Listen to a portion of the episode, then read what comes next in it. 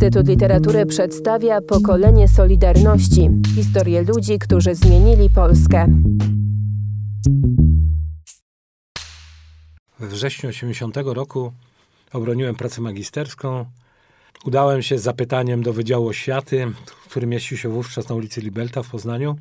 No i powiedziano mi, że rzeczywiście będzie etat w szkole, ale tylko na zastępstwo, ale że mam się pytać na bieżąco. No i kiedy pojawiłem się tam no, gdzieś tak pod koniec e, września, w zasadzie 1 czy 2 października, pani kadrowa, ówczesna pani Grupka, która sama była osobiście zainteresowana, bo córka też nie miała e, nauczyciela historii, bo pani poszła na urlop wychowawczy, powiedziała, że no jest, jest od razu praca, ale to już od poniedziałku, to już musi być od poniedziałku, a to był chyba czwartek czy piątek.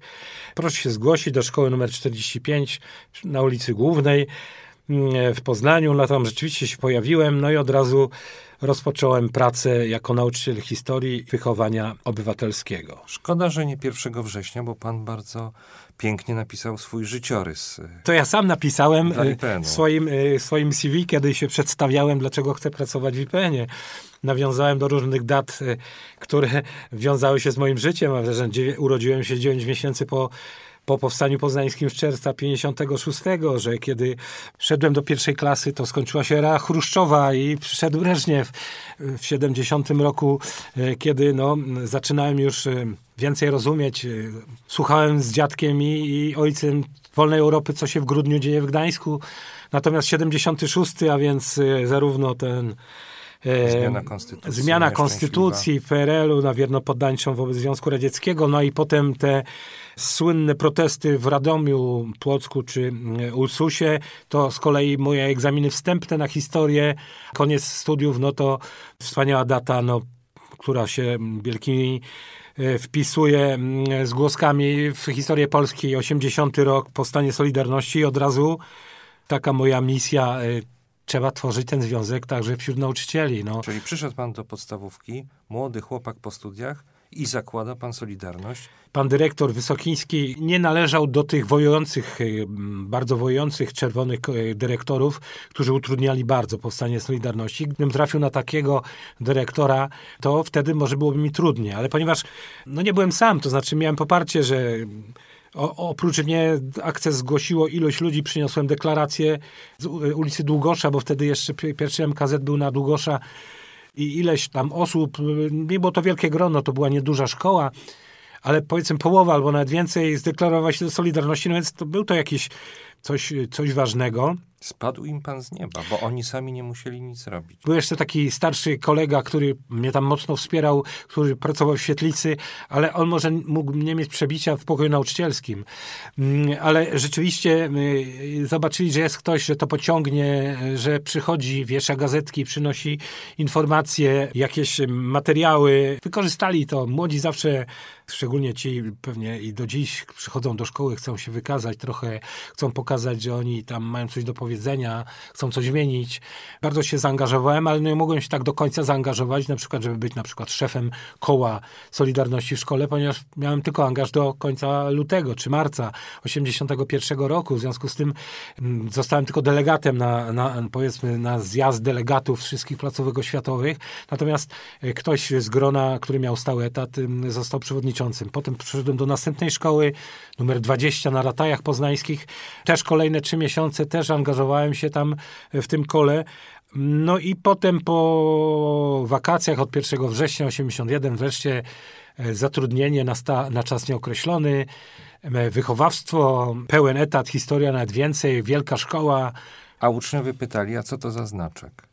A gdzie pan należy? Co to za gazetka tam wisi? Myślę, że większość rodziców tych dzieci należała do Solidarności, skoro pod koniec 81 roku w Solidarności było prawie 10 milionów, to więc e, wśród tych, którzy mieli swoje dzieci, mieszkali na ratajach, to może większość była w Solidarności, ale oczywiście te dzieci młodsze niekoniecznie musiały wiedzieć, oczywiście pytały, ten znaczek Solidarności był obecny w przestrzeni publicznej dosyć szeroko, więc tutaj nie musiałem za bardzo tłumaczyć, ale rzeczywiście postrzegano mnie i nawet e, gdzieś jakiś portret na zajęciach plastycznych zrobiono e, mój z tym znaczkiem e, Solidarność. No i tak w zasadzie cały czas pracowałem w Solidarności jako historyk, to znaczy, żeby poprzez związek, związek chciał napisać nowe podręczniki, nowy program. żeby, żeby poprzez związek doprowadzić do zmiany i w programie nauczania, do napisania nowych podręczników, do przygotowania nowych pomocy. A co było nie tak w PRL-owskim programie nauczania historii w 80 No, roku? było y, dosyć sporo. No tutaj mamy tutaj takie wydawnictwo, które przygotowała Krajowa Sekcja Oświaty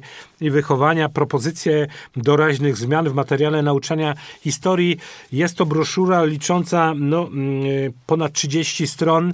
Przy początkach budownictwa socjalistycznego ZSRR miało zostać dodane na przykład powszechna kolektywizacja rolnictwa i jej koszty społeczne, represje, jedynowładztwo Stalina. No, takie były postulaty Solidarności i początkowo takie y, w tych programach zmiany się rzeczywiście dokonały. Tego nie udało się zatrzymać tego w 82 stanem wojennym, tylko oczywiście no, wszystko zależało od nauczyciela.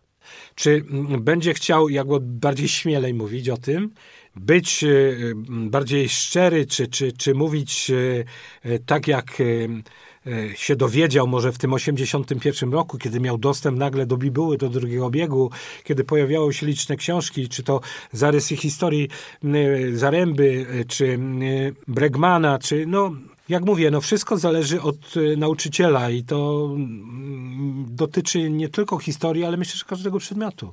A to prawda, że byli nauczyciele jeszcze w 90 roku, którzy nie słyszeli o Katyniu jako tym prawdziwym Katyniu? E, Ja myślę, że niestety, ale byli tacy, którzy albo mówili to mm, w ten sposób asekuracyjnie, że oni po prostu no, nie mogli o tym mówić, ponieważ nie było, to nie było pewne. To, to była pewna jakaś sugestia. Dopiero kiedy Gorbaczow y, ogłosił to i kiedy zostało to potwierdzone, Rosjanie się przyznali, no to wtedy jakby to było oczywiste. No, Czyli takie zasłanianie się naukowością, tak? E, Nie ma źródła, nie ma sprawy. A poza tym, no, nikt nam nie mówił na studiach o tym. A jeżeli ktoś sam nie dociekał, no to pochodził z takiej rodziny, w której się o tym nie mówiło, no to, to mógł żyć w takiej błogiej nieświadomości, chociaż jest to mało prawdopodobne, ponieważ słowo Katyń to, to był ten taki owoc zakazany, no, w zasadzie jedyny często znany młodzieży. Takie hasło Katyń po którym się chowało coś, co oni wiedzieli, że coś, coś złego się stało, coś złego nam zrobili ci nasi przyjaciele teoretycznie ze Związku Radzieckiego.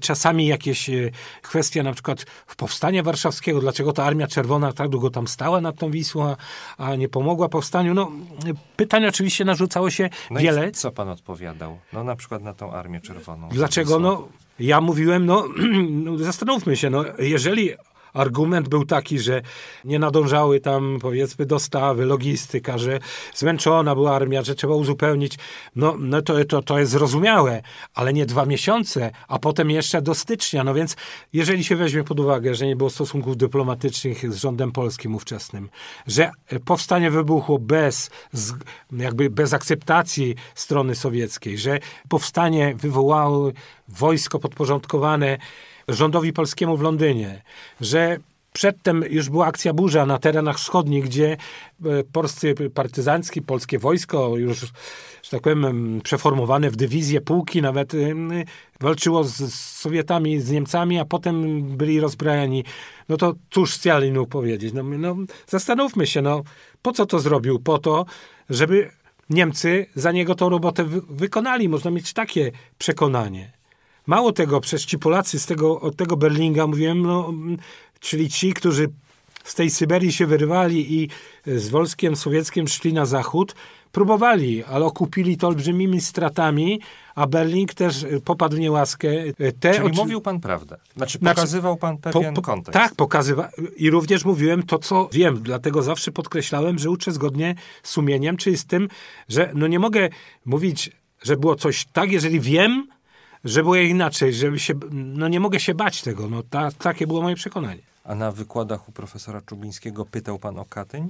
Y, Ja nie pamiętam czy ja, ale, y, ale były takie, takie pytania i to nawet y, nie tylko na studiach, bo pamiętam przed rozpoczęciem roku mieliśmy takie spotkania metodyczne jako nauczyciele historii w sierpniu, przed rozpoczęciem roku szkolnego I ostatnio nawet znalazłem jakieś notatki, nie wiem, z 86, 5 roku, gdzie profesor y, Czubiński mówił właśnie o, o sprawach związanych z XX wiekiem, z historią i tak dalej.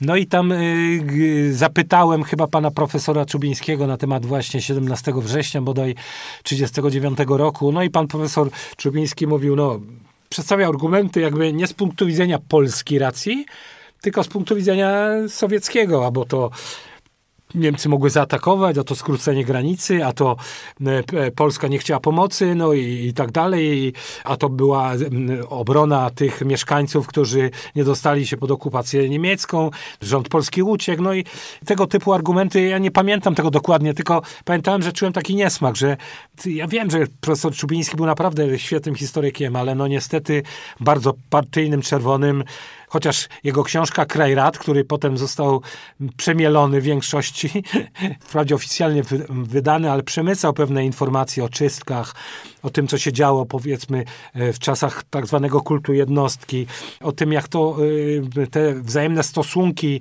partii komunistycznych się odbywały. No i za to wyleciał z Warszawy, gdzie był już rektorem Wyższej Szkoły Nauk Społecznych. No i, i rozmawiałem z paru ludźmi, którzy pisali u niego doktoraty. No to łeb jak sklep, no ale ale miał pewne określone y, takie bariery, bym powiedział, u, uważając, że że może nie należy tego, że te, o tym mówić, że to zaszkodzi stosunkom. No, no myślę, że takie, takie jakieś hamulce były wśród y, wielu historyków i nie tylko w Poznaniu. Chociaż na Uniwersytecie w Czytelni można było podejść w 80 roku i czytać zakazane książki. E, tak, ja sobie przypominam mm, historię Polski od XVIII.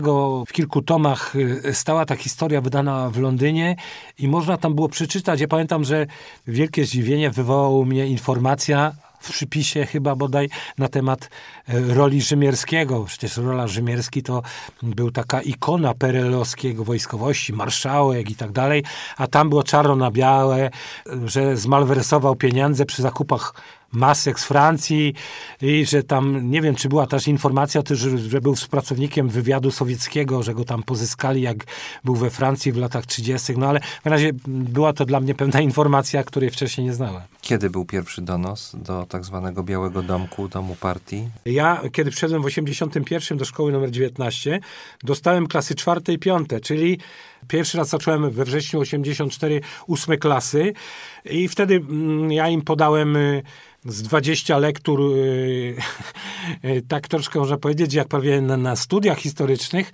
Niektórzy się czuli bardzo przerażeni, że w tym ósmej klasie im dyktuje tyle lektur, ale ja starałem się mm, pokazać im, że są wydane w Londynie, w Paryżu, mm, w Warszawie, w Krakowie, w Poznaniu różne zarysy historii XX wieku II wojny i po wojnie i że można na to patrzeć i na pytanie, czy oni muszą to przeczytać, ja powiedziałem, nie, nie musicie, ale możecie do tego zerknąć, to jest taka lektura uzupełniająca, jak będziemy omawiali jakiś temat, jeżeli będziecie mieli dostęp do tych materiałów, to możecie to do tego zerknąć i... Ale wie pan dobrze, że były skargi.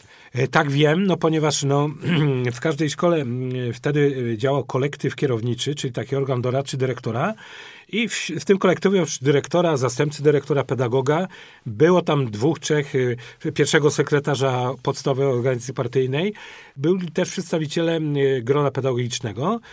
No i, i kolega z tego kolektywu, zresztą też historyk, właśnie mówił mi, y, kolego, tam na tych kolektywach często poruszana jest pana osoba, bo ci z Białego Domku, czyli z Komitetu Dzielnicowego Poznań Nowe Miasto pytają, jakie pan nosi znaczki. Y, że tam był jakiś donos, że mm, zadaje pan jakieś niestworzone lektury i to nawet y, wydane w Londynie. Mm, ja mówię, no ale przecież to nie jest nic takiego. Jeżeli ktoś będzie miał dostęp, to ale nikt oficjalnie mi nie zwrócił uwagi, to muszę przyznać. I y, potem, kiedy miałem następną ósmą klasę, czyli to już moje wychowawstwo na następny rok, no to też im to podałem i, i że tak powiem, nie było, nie było z tym problemu. Czy ktoś z nich zajrzał? Nie wiem. Ale, ale wiedział, że jest. Ale to wiedział, jest że jest. Y, mógł to ewentualnie, jeżeli zachował sobie zeszyt, mógł później zobaczyć po latach, kiedy teraz jest to już dostępne. Wielu mówi, że tego, co się nauczyli, to nigdy nie zapomną. Pokolenie Solidarności. Cykl podcastów przygotowanych przez Instytut Literatury w Krakowie.